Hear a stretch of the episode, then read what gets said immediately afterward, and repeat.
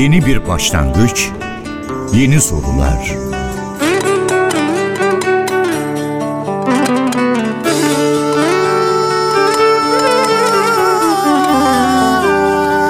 Yeni bir yolculuk, sıra dışı keşifler.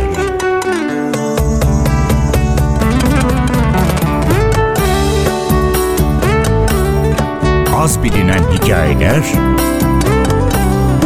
unutulmuş ezgiler.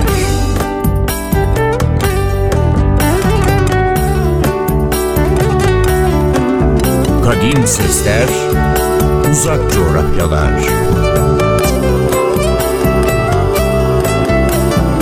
Karşınızda Ahmet Yeşiltepe ile Mavi Kulesi.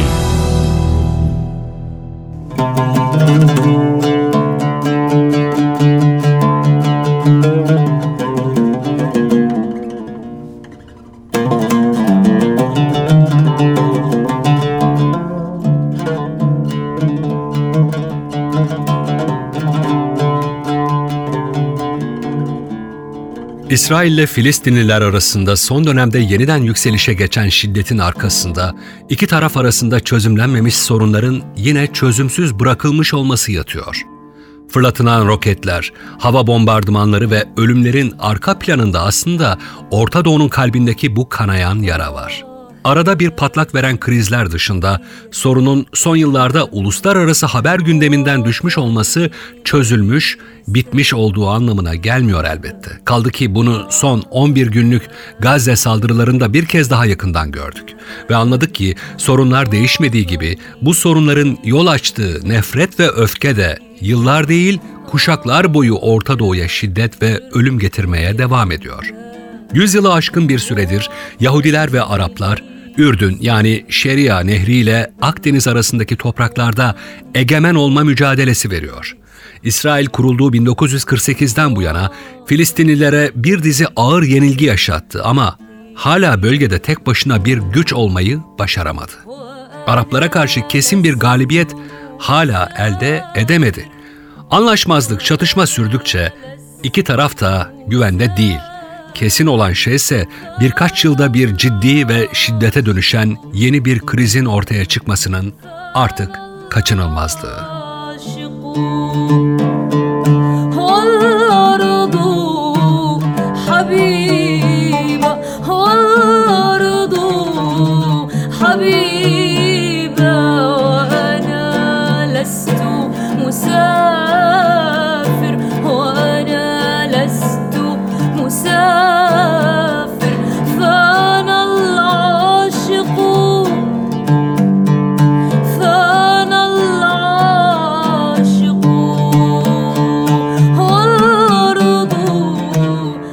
Babil Kulesi'ne hoş geldiniz.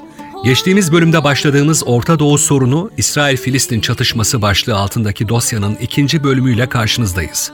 Bıraktığımız yerden yani İsrail'in bağımsız bir devlet olarak ortaya çıkışı, bu devletin kuruluşunun ilanıyla başlayacak yeni süreçten devam edeceğiz. Şimdi bir kez daha zamanda yolculuğa çıkıyor ve İkinci Dünya Savaşı'nın başladığı yıllara gidiyoruz. Habib حبيبة والأرض حبيبة.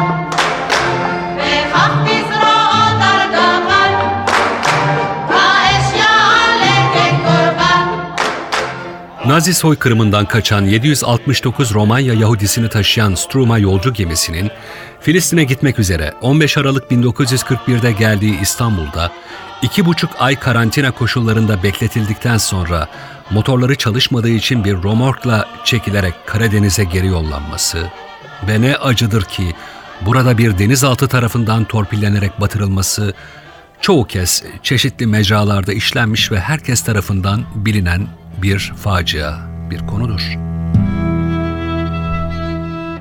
Ancak bir gemi dolusu Yahudinin yaşadığı bir başka acı hikaye, St. Louis transatlantiğinin Atlantik Okyanusu'ndaki yolculuğu pek fazla kişi tarafından bilinmez. 13 Mayıs 1939'da St. Louis transatlantiği 937 yolcusuyla Hamburg, Almanya'dan Havana, Küba'ya doğru yola çıkar. Nihai hedefleri son durak Amerika Birleşik Devletleri'dir. Geminin yolcuları Nazi Almanyası tarafından soyulduktan sonra ellerine turist vizesi tutuşturulan Yahudilerdir. Hiçbirinin geri dönmeye niyeti yoktur ama şirketin kuralları gereği hepsi gidiş dönüş bileti almak zorunda kalmıştır. Almanya'ya bir daha geri dönmemek koşuluyla toplama kamplarından salı verilen Yahudiler bile gidiş dönüş bilet ücreti ödemiştir. Gemi iki hafta sonra 27 Mayıs'ta Havana gümrüğüne varır. Dönemin Küba Devlet Başkanı diktatör Fulgencio Batista yönetimi mültecilerden yeteri kadar para kazanamayacağını anlayınca onları ülkeye almaya yanaşmaz.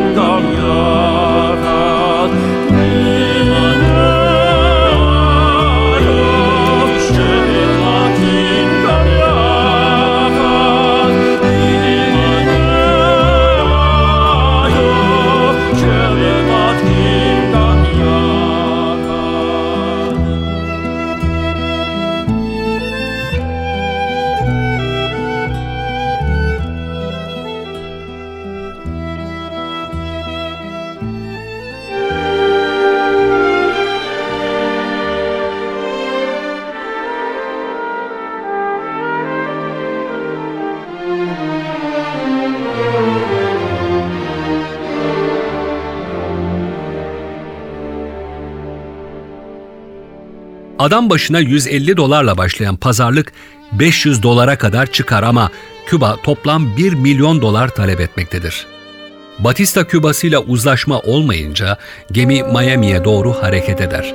Yolcuların Amerika Birleşik Devletleri'ne giriş izinleri vardır ama işsizlik ve diğer ekonomik sorunlar nedeniyle geminin girişi dönemin Amerikan yönetimi tarafından engellenir.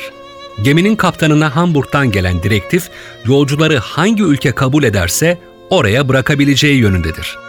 Dominik Cumhuriyeti, Venezuela, Ekvador, Şili, Kolombiya, Paraguay ve Arjantin'e sırayla başvuru yapılır ancak hepsi gemiyi geri çevirir.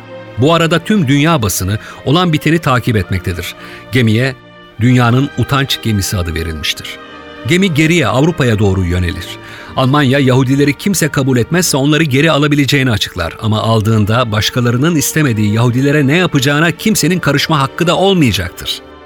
Yolcular umutlarını kaybetmek üzereyken Belçika, Hollanda, İngiltere ve Fransa mültecileri kabul edeceğini açıklar. 17 Haziran'da bir aydan fazla denizde kaldıktan sonra ilk ayrıldıkları limandan 500 kilometre kadar uzaktaki Anvers limanında karaya inerler. 1 Eylül'de ise İkinci Dünya Savaşı başlar. 937 yolcu savaş boyunca Nazi işgali altındaki Avrupa Yahudilerinin kaderini paylaşırlar. Çoğu toplama kamplarında hayatını kaybeder. Bu iki örnekte de görüldüğü gibi İkinci Dünya Savaşı sırasında Nazilerin 6 milyon Yahudiyi katletmesi ve soykırım suçu işlemesinden sonra Avrupa'nın Yahudiler için hiç de güvenli bir yer olmadığı iyice anlaşılır.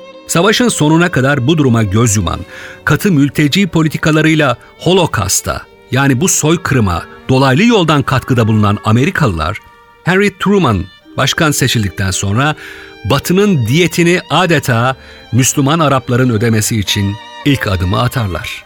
Ve Filistin'e Yahudi göçüne ciddi kotalar koyan Britanya'dan 250 bin Yahudinin derhal Filistin'e girmesine izin verilmesini ve göç kısıtlamalarının kaldırılmasını talep eder. Bu sırada İkinci Dünya Savaşı biteli iki yıl olduğu halde hala İngiliz askerlerinin öldüğü tek yer Filistin'dir. Birinci Dünya Savaşı sırasında birbiriyle çelişen taahhütleri nedeniyle içinden çıkamadığı bir duruma düşmüş olan Britanya, konuyu 1947'de Birleşmiş Milletler'e götürmek zorunda kalır. O tarihte Filistin topraklarında yaklaşık 1 milyon 200 bin Arap ve 600 bin Yahudi yaşamaktadır. Ancak paylaşılacak coğrafya çok küçüktür. Sonunda Filistin'i parça parça olsa da aşağı yukarı eşit iki parçaya bölen bir plan Birleşmiş Milletler Özel Siyasi İşler Komitesi'ne sunulur.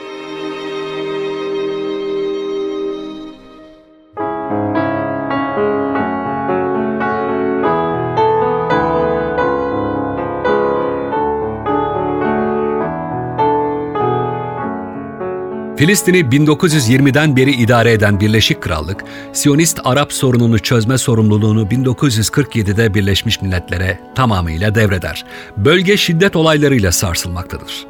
Bölge nüfusunun üçte birini artık Yahudiler oluşturmaktadır ama Filistin topraklarının sadece yüzde altısı onlara ayrılmış durumdadır. Avrupa'daki Nazi zulmünden kaçan yüz binlerce Yahudinin buraya ulaşması çözüm arayışını daha da acil hale getirir. İkinci Dünya Savaşı'nda 6 milyon Yahudi öldürülmüştür. İngilizlerin önerisiyle Birleşmiş Milletler'in kurduğu özel komite nihayet bölgeyi Filistin ve Arap devletleri arasında bölmeyi kararlaştırır. Yani bir Yahudi devleti için uluslararası toplum artık yeşil ışık yakmıştır. Sonunda Filistin'i parça parça da olsa aşağı yukarı eşit iki parçaya bölen plan Birleşmiş Milletler Özel Siyasi İşler Komitesi'ne sunulur. Yüz ölçümü bakımından incelendiğinde plan, Araplar için geçmişte önerilen plan ve haritalardan çok daha geridedir. Ancak nüfus kombinasyonu bakımından Yahudilerin aleyhine bir durum ortaya çıkmıştır. Çünkü Yahudi devletinde 498 bin Yahudiye karşılık 407 bin Arap yaşayacaktır. Yani Arapların yerleşim hakkı saklı tutulmuştur. Filistin devletinde ise 725 bin Arap'a karşılık sadece 10 bin Yahudinin yaşaması öngörülmektedir. Nüfusun geri kalan kısmı ise Birleşmiş Milletler denetimindeki Kudüs bölgesinde kalacaktır.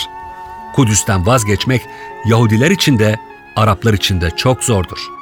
Daha kaba bir hesapla paylaşım planı Filistin'in %56,47'sini Yahudi devletine, %43,53'ünü de Arap devletine bırakmıştır. Kudüs ise uluslararası bir idare altında olacaktır.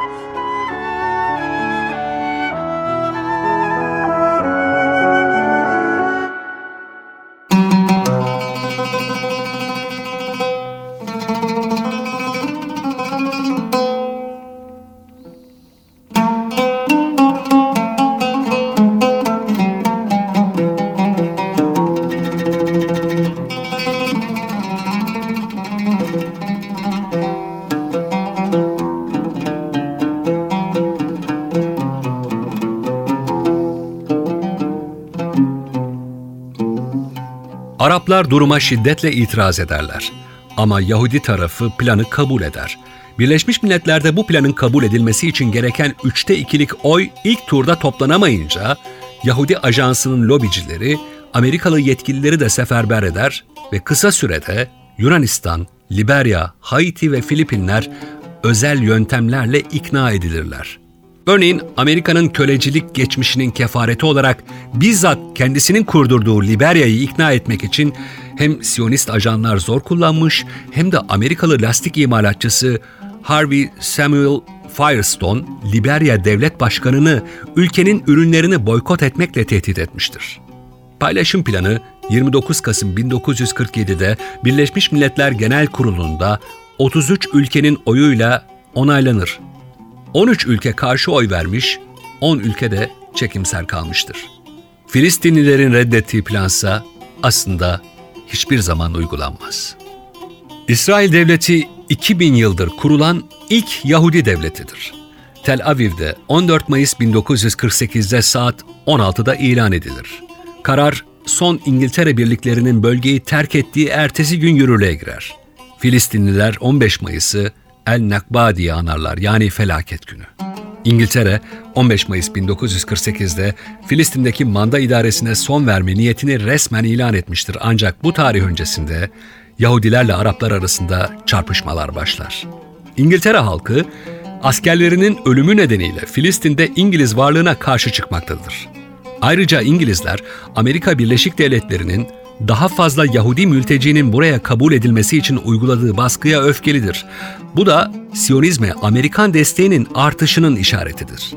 Hem Arap hem de Yahudi taraflar yaklaşan savaş için güçlerini seferber etmeye başlarlar. Yahudi milis güçlerinin Arap köylerinde düzenledikleri temizlik operasyonları 1948 yılının Aralık ayında zirve noktasına ulaşır.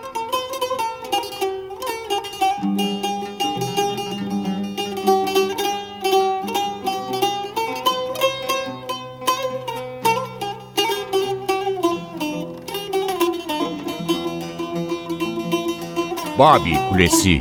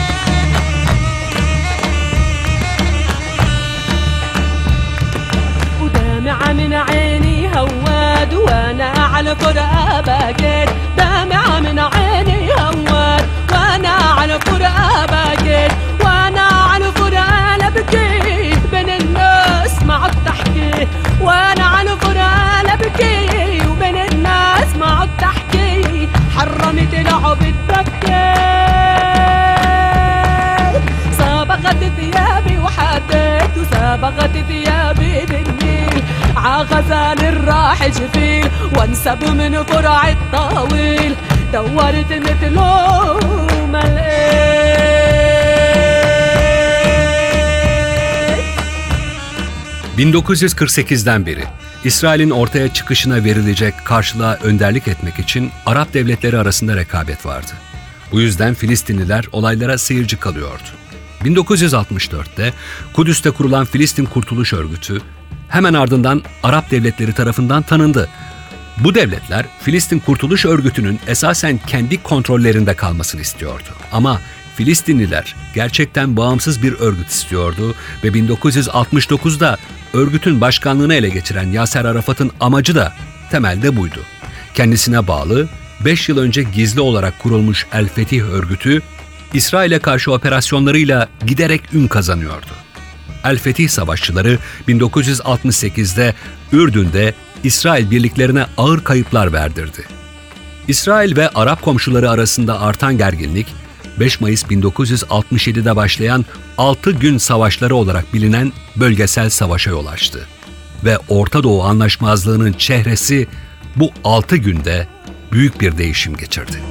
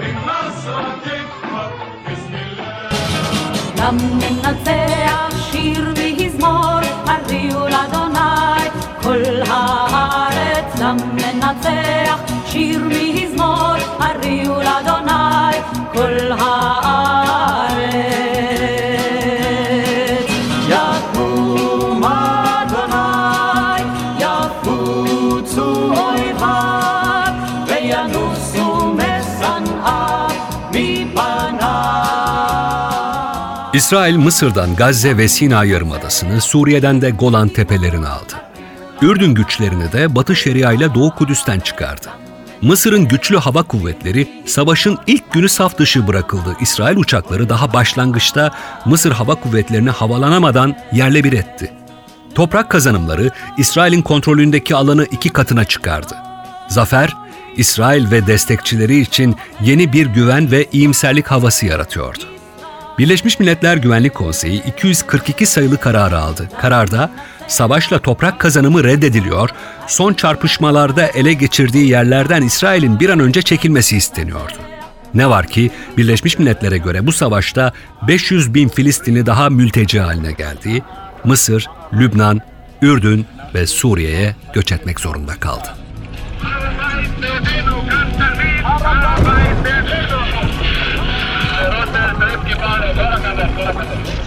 This is Victory Day in Jewish Jerusalem. The day the winners of the battle for the Holy City return through the Mandelbaum Gate to the cheers and the tears of their fellow Israelis.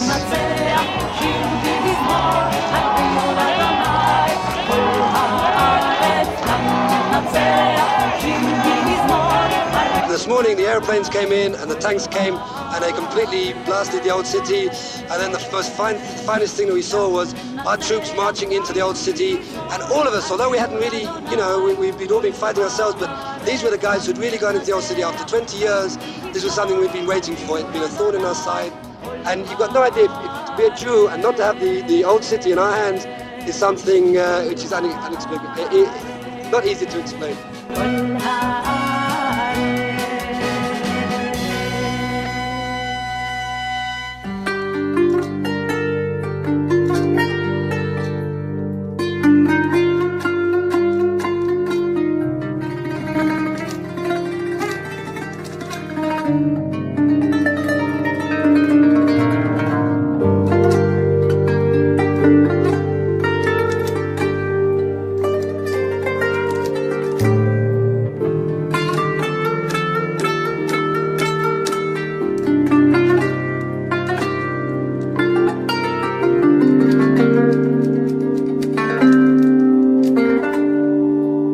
الشعب كليسي الله أصبح لاجئا يا سيدي.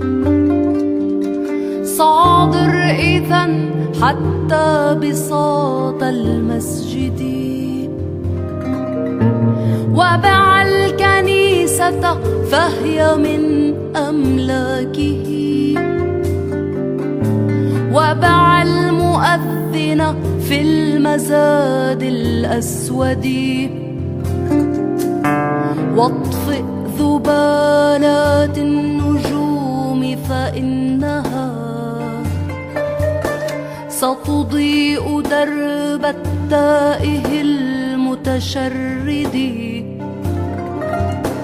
حتى يتامانا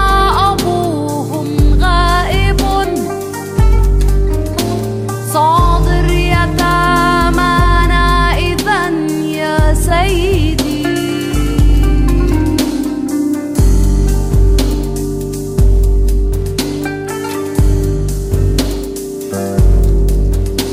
لا تعتذر من قال أنك ظالم. لا تنفعل من قال أنك معتدي. حررت حتى السائمات غداة أن أعطيت أبراهام حقل محمد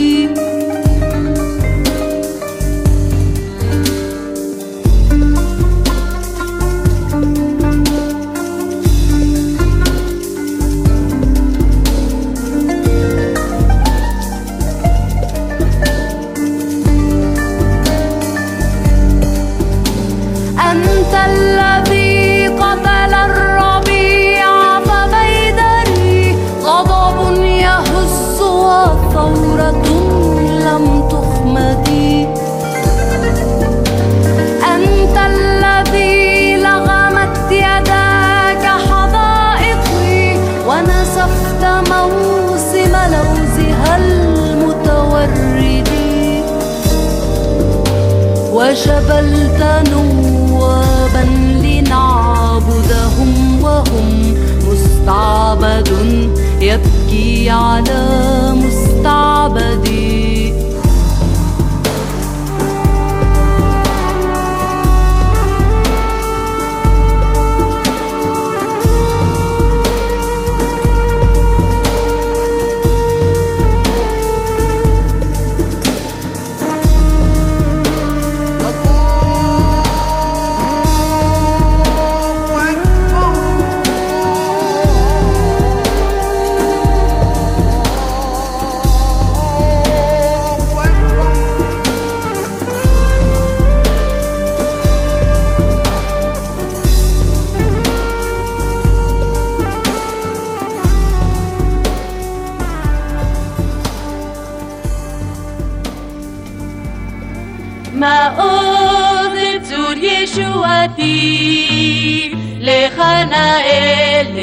לשבח.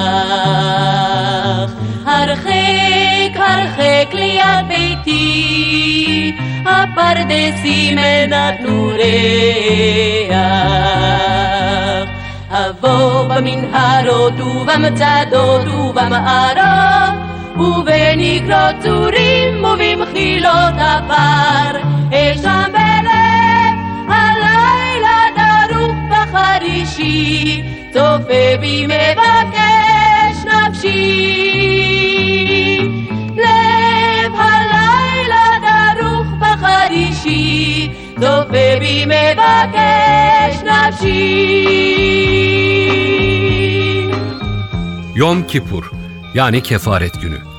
Yahudilerin en önemli dini bayramlarından biri. 1967'deki savaşta kaybettikleri toprakları diplomatik yollardan geri alamayan Mısır ve Suriye, 1973'teki Yom Kippur Bayramı sırasında İsrail'e karşı taarruza girişti. Bu çarpışmalar Ramazan Savaşı diye de anılıyor. Başlangıçta Mısır ve Suriye, Sina ve Golan tepelerinde ilerleme kaydettiler. Üç hafta süren çarpışmalar sonunda bu durum değişti.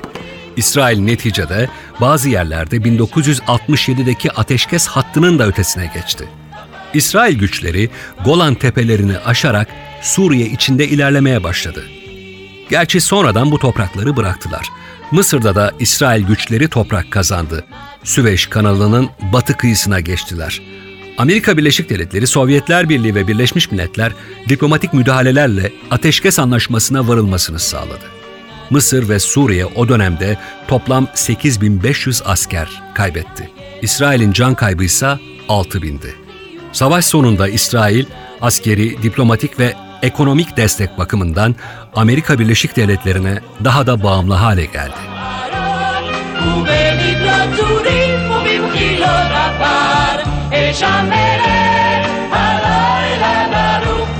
Müzik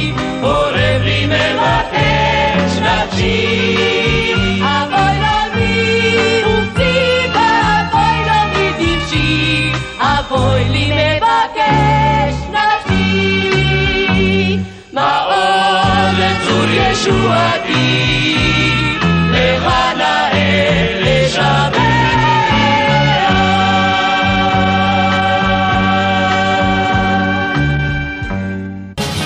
גם ננצח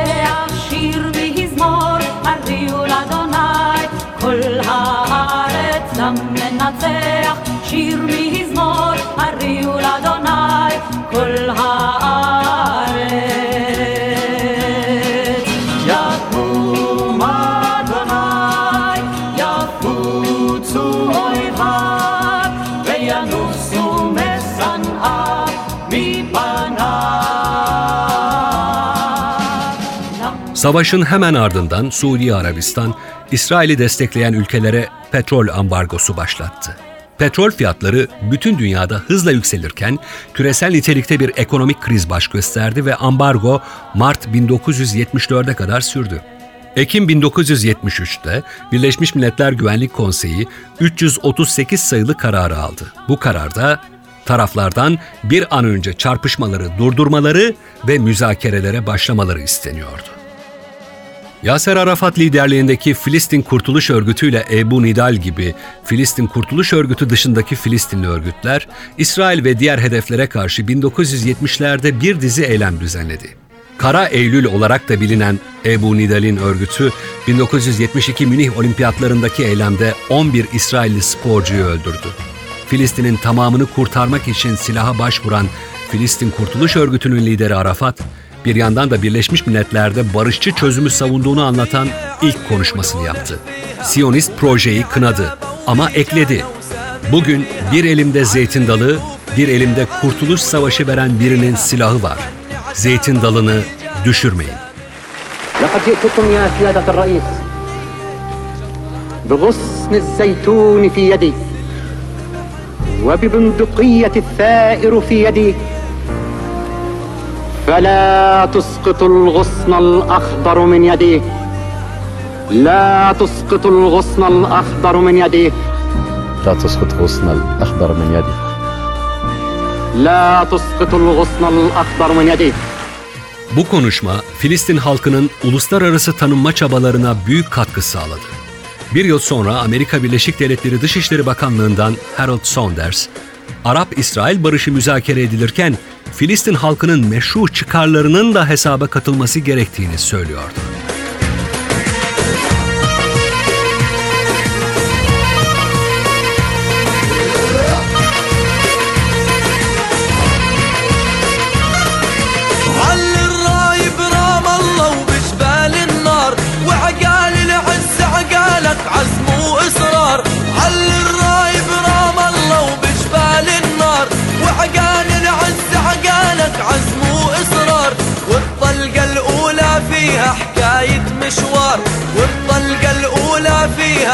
حكايه مشوار عند الحق نخلي العالي واطيها عند الحق نخلي العالي واطيها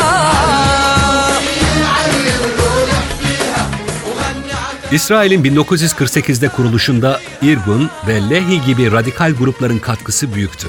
Ama bu örgütlerin mirasçısı Herut ki sonradan Likud adını alan siyasi parti 1977'ye kadar hiçbir seçim kazanamadı. İsrail siyaseti bu tarihe kadar sol kanattaki İşçi Partisi'nin hakimiyetindeydi. Likud ideolojisi ise İsrail idaresinin İngiliz mandasına dahil olan bütün topraklara yani Ürdün'de dahil kutsal kitapta anlatılan Büyük İsrail'e yayılmasını savunuyordu.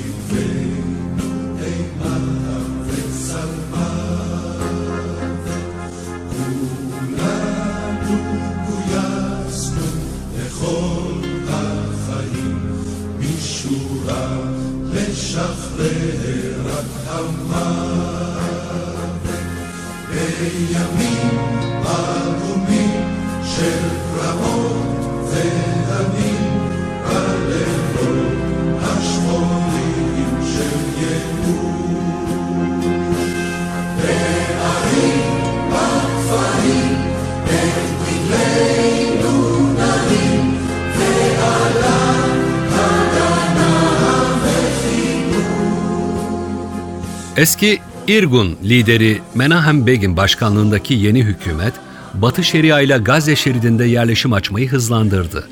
Amaç 1967'de kazanılan toprakları ileride geri vermemek için gerekçeler sağlamaktı. Tarım Bakanı Ariel Sharon bu faaliyetleri körükledi. Sharon 1981'e kadar yerleşimlerle ilgili Bakanlar Komisyonu'nun başındaydı. Mısır Cumhurbaşkanı Enver Sedat 19 Kasım 1977'de İsrail'e uçup Knesset'te yani İsrail parlamentosunda konuşma yapınca bütün dünya şaşkına döndü. İsrail'i tanıyan ilk Arap lider Enver Sedat oldu. Yom Kippur Savaşı'nı daha dört yıl önce başlatan da kendisiydi. O savaş nihai sonucu getirmemişti. Enver Sedat artık farklı bir yolda yürüyordu. Mısır ve İsrail 1978'de Amerika Birleşik Devletleri'nde başkanlık makamının tatil rezidansı olan Camp David'de anlaşmalarını imzaladı. Metinde Orta Doğu'da barışın çerçevesi çiziliyordu ve buna Filistin halkına sınırlı özerklik verilmesi de dahildi. İkili barış anlaşmasını da Sedat'la Begin Mart 1979'da imzaladılar. Anlaşmaya göre İsrail Sina Yarımadası'ndan çıkacak, buna karşılık Mısır İsrail'i resmen tanıyacak ve diplomasiye başlayacaktı. Gazze ve Batı Şeria'da yaşayan Filistinlilere Mısır ve Ürdün'ün belirleyeceği şekilde özerklik verilecekti. Özerklik statüsü 3 yıl sonra Mısır, Ürdün, İsrail, Filistin arasında Batı Şeria ve Gazze statüsünü belirlemek için tekrar görüşme yapılacaktı. İsrail-Ürdün arasında barış görüşmeleri başlayacaktı ve son olarak İsrail, Filistin'de asker sayısını azaltacaktı. Amerika Birleşik Devletleri Başkanı Jimmy Carter'ın gözetiminde gerçekleşen görüşmeler sonunda imzalanan anlaşmayla ilk kez bir Arap ülkesi İsrail'i resmen tanıyor ve ele geçirdiği topraklar üzerindeki varlığını meşru olarak kabul ediyordu.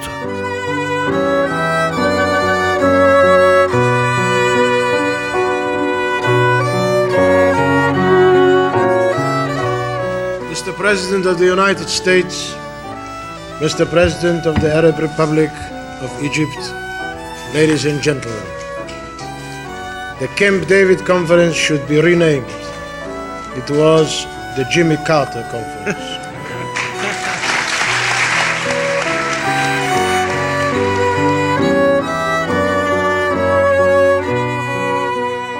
Barış çabalarının sonucu olarak Menahem Begin ve Enver Sedat 1978 yılında Nobel Barış Ödülünü birlikte aldılar.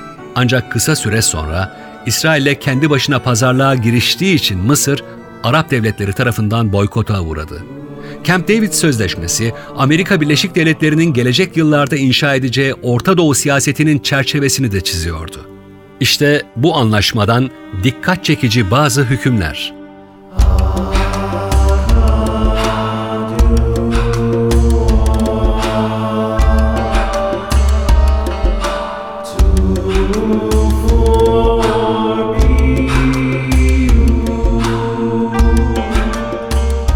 Amerika Birleşik Devletleri F-16 uçakları da dahil olmak üzere İsrail'in bütün askeri ihtiyaçlarını karşılayacaktı. Mısır bu anlaşmalara uymayacak olur veya anlaşmaları herhangi bir şekilde ihlal ederse Amerika alınacak tedbirler konusunda İsrail'e danışacaktı. Amerika, İsrail'in aleyhine olan hiçbir teklife katılmayacaktı. Amerika, İsrail'in varlığına, güvenlik ve egemenliğine yönelen her türlü tehdit halinde İsrail hükümetiyle istişare halinde olacak ve İsrail'i her şekilde destekleyecekti. İşte bu son hükümle kuruluşundan beri İsrail'i destekleyen Amerika Birleşik Devletleri perde arkasındaki tavrını ilk kez resmi bir platformda açıkça ortaya koyuyordu. Camp David'in sonuçları aslında günümüz Orta Doğu sorununa yeni bir çerçeve kazandırması açısından hayli önemli. Bugün de sıkça tartışılan kararlar olmasıyla birlikte Camp David'den en fazla rahatsız olanlar elbette Araplardı. Nihayet şunu da hatırlatmak gerekiyor.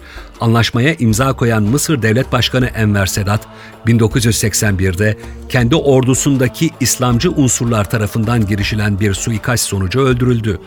Yani Camp David, Arapların içindeki birliği sarstı ve derin bir güven bunalımına yol açtı.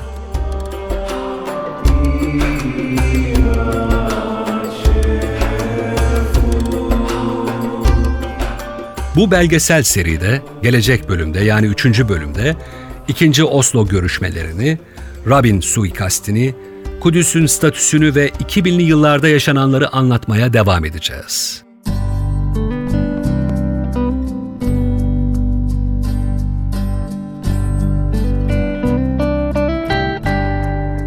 Babil Kulesi'ni Atilla Özdal'la birlikte hazırlıyoruz. Ve her bölümde sizlere az bilinen, unutulmuş ya da unutulmaya yüz tutan gerçek hikayeleri, tarihten, geçmişin tozlu raflarından alıntıladığımız gerçek olayları anlatıyoruz. Elbette bunu müziğin oluşturduğu ambiyansta olayları, ortamı ve mekanı duyumsatan şarkılarla yapmaya çalışıyoruz. Gelecek bölümde Orta Doğu'nun yürek yakan Filistin-İsrail çatışmasının son bölümünde buluşmak dileğiyle şimdilik hoşça kalın, sağlıkla kalın. we shall overcome. We shall overcome. We shall overcome someday.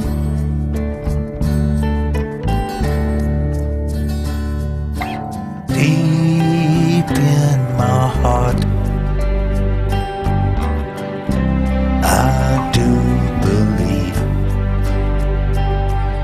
that we shall overcome someday.